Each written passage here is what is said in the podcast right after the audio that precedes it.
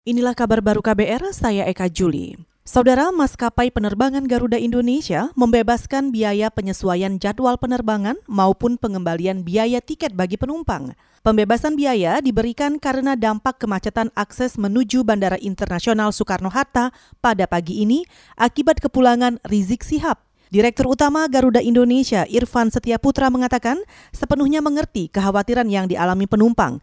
Kata dia, Garuda berkomitmen menghadirkan solusi bagi penumpang yang terdampak imbas kemacetan akses menuju bandara. Garuda juga menyiapkan pengalihan jadwal bagi penumpang yang masih harus melanjutkan perjalanannya. Kata Irfan, penyesuaian jadwal dan pengembalian biaya tiket mengacu pada ketentuan. Pagi tadi, ribuan pendukung Rizik Sihab mendatangi bandara untuk menjemput. Akibatnya, akses jalan menuju bandara macet hingga banyak penumpang yang batal terbang. Kita ke soal COVID-19. Epidemiolog menilai pelaksanaan testing, tracing, dan treatment pada kebanyakan daerah masih belum melampaui standar minimum dari WHO. Epidemiolog Universitas Pajajaran Panji Fortuna Hadi Sumarto menjelaskan 3T harus ditingkatkan agar positivity rate kasus COVID-19 melandai, di antaranya dengan memperbanyak rapid test antigen dan tes usap. Kalau masih kurang ya uh, artinya kurang itu bukan hanya tidak memenuhi standar WHO tapi juga tidak sesuai dengan kondisi epidemiologisnya. Yang yang akan terjadi adalah transmisinya akan meningkat terus. Jadi misalnya begini ya, testing, tracing, kembali ke 3T ya. Saya saya akan sandingkan ini. Kalau testingnya kurang atau uh, positivity rate-nya masih tinggi ya, uh, artinya besar kemungkinan kita itu tidak berhasil mengidentifikasi kasus-kasus yang ada di masyarakat.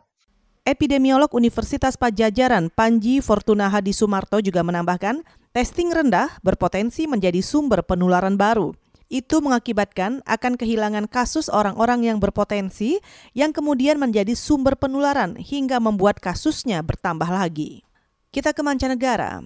Organisasi Kesehatan Dunia atau WHO menantikan kesempatan untuk bekerja sama secara erat dengan pemerintahan Presiden terpilih Amerika Serikat Joe Biden. Direktur Jenderal WHO Tedros Adhanom menyampaikan selamat kepada Presiden terpilih Joe Biden dan Wakil Presiden terpilih Kamala Harris. Dia mengajak membangun rasa saling percaya dan akuntabilitas untuk mengakhiri pandemi. Selain itu, mengatasi ketidaksetaraan mendasar yang menjadi akar dari begitu banyak masalah dunia.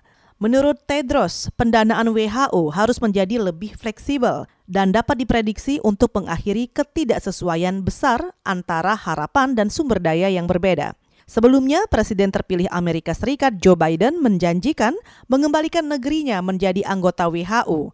Pada Juli lalu, Presiden Donald Trump mengumumkan keluar dari keanggotaan WHO. Amerika merupakan negara yang paling banyak memberikan kontribusi pendanaan bagi WHO. Saudara, demikian kabar baru. Saya Eka Juli.